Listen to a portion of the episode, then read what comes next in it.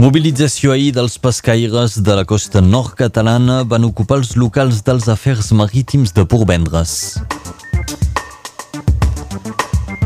Louis Alliot guanyaria les eleccions municipals de Perpinyà és el resultat d'una enquesta IFOP publicada avui per l'Independent.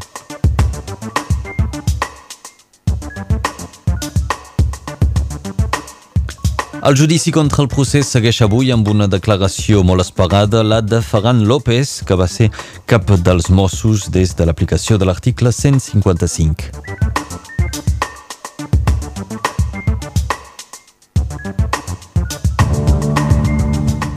Moviment de vaga avui a la redacció nord-catalana de França 3. Els treballadors de França Televisió protesten avui a nivell estatal contra la supressió de 900 llocs de treball d'aquí a l'any 2022. La CGT demana que s'apliqui un pla de desenvolupament de les activitats sense cap degradació de les condicions de treball. De moment, les negociacions amb la direcció no han donat resultat. D'altra banda, els carters del polígon nord també mantenen la vaga i ho fan per tercer dia consecutiu. Segons la CGT, la direcció no va atendre les demandes del personal vaguista. Els treballadors protesten per salvar diversos llocs de treball amenaçats, per preservar els dies festius i reclamen també contractes en CDI pels treballadors temporals. Els pescaires de la costa nord-catalana van ocupar ahir els locals dels afers marítims de Portvendres. Protesten contra els controls de gendarmeria sobre la mida del peix pescat.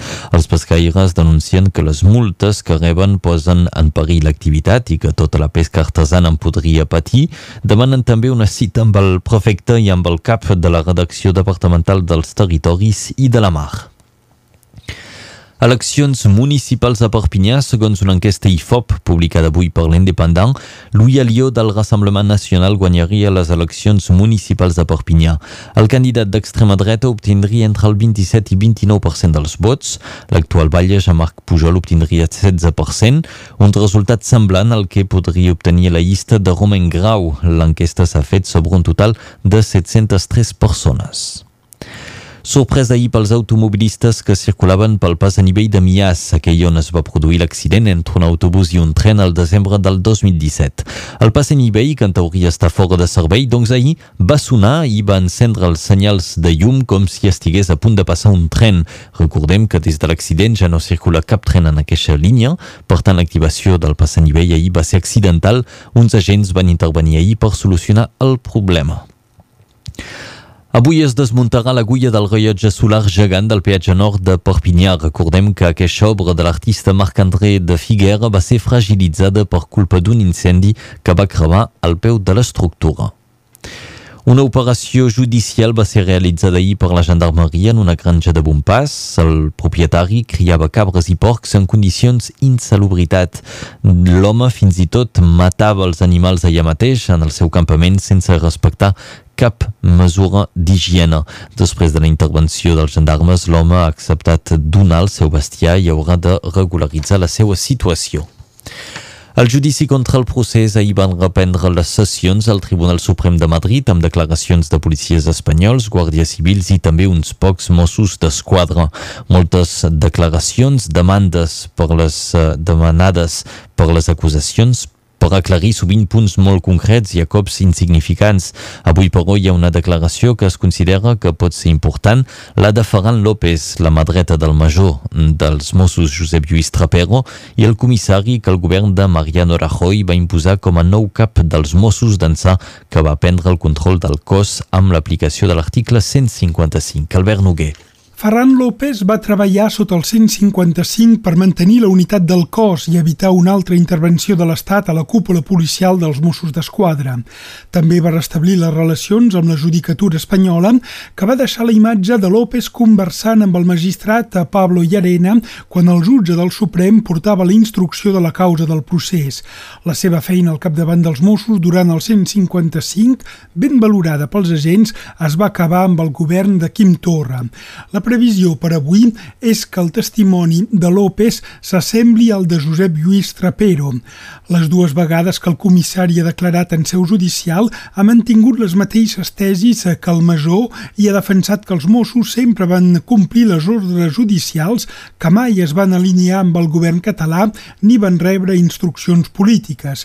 A més, aquest dimecres, després de la declaració dels comissaris dels Mossos, tornarà a declarar una gran quantitat d'agents de la Guàrdia Civil, en aquest cas per intervencions i atacs en col·legis electorals de l'1 d'octubre en què diuen que van ser ferits. Serà un nou intent de vestir la rebel·lió mitjançant la criminalització de la mobilització ciutadana i pacífica catalana. Moltes gràcies, Albert Noguer.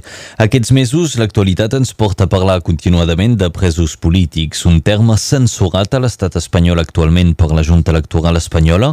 Malauradament, no tots els presos polítics tenen la mateixa mediatització. El jurista nord-català Enric Vilanova recorda que a Europa no només hi ha presos polítics a l'estat espanyol. A l'estat francès hi ha presos polítics, entre ells bascos, que són condemnats fins i tot a perpetuïtat, que encara que podrien sortir si s'apliquessin els principis bàsics de les lleis processals, l'estat francès, per raons polítiques, d'acord amb l'estat espanyol, no els deixa sortir.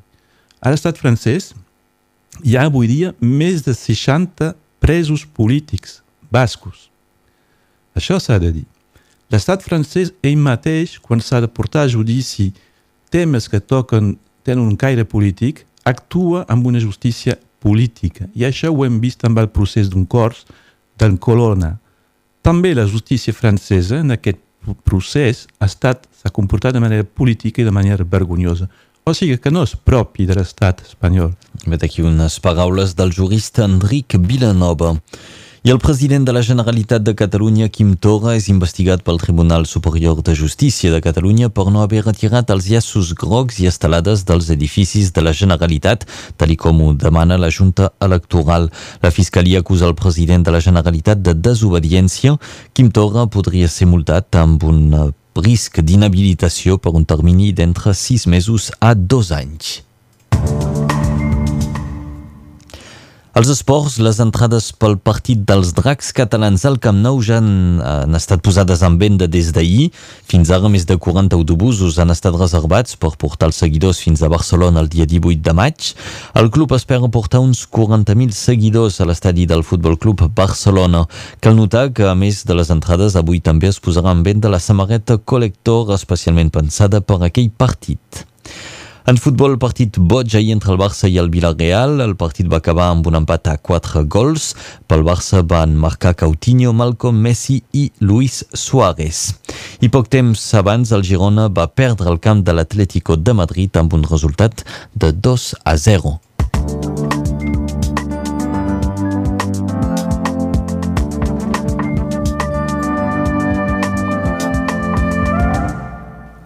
Baixen les temperatures i el risc de pluja encara és present. Ens ho explica ara mateix la Laura Bertran amb la previsió del temps.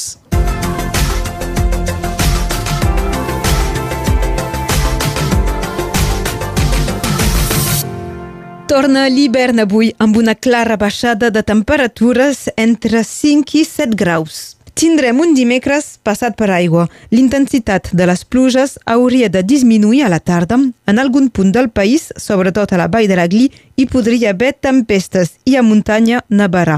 El límit pluja-neu anirà baixant. Aquest matí és a 1.700 metres, a fi de tarda serà a 1.500 i de cara a aquesta nit per sota dels 1.000 metres. Bufa la tramuntana fins a 45 km per hora a la Fenolleda i a la tarda també al Rosselló. I mitjorn a muntanya tant a Cerdanya com a l'Alt Vallespí fins a 60 km per hora en ratxa. Si les temperatures mínimes són semblants a les d'ahir, en canvi, les màximes seran clarament més baixes, amb valors que no passaran dels 13 graus a Cervera, 12 tant a Serret com a Perpinyà i Taltaúi, 11 a Prada, 9 graus a Prats de Molló, 7 a Sallagosa, 5 a Font-romeu i 3 de màxima tant als Angles com a Porter Pimorent. Serem lluny del rècord de calor per un 3 d'abril a Ribes Altes que data de l'any 1905 amb 27,3 graus. El sol es pondrà avui a les 20 i 16, guanyarem així 3 minuts de llum del dia.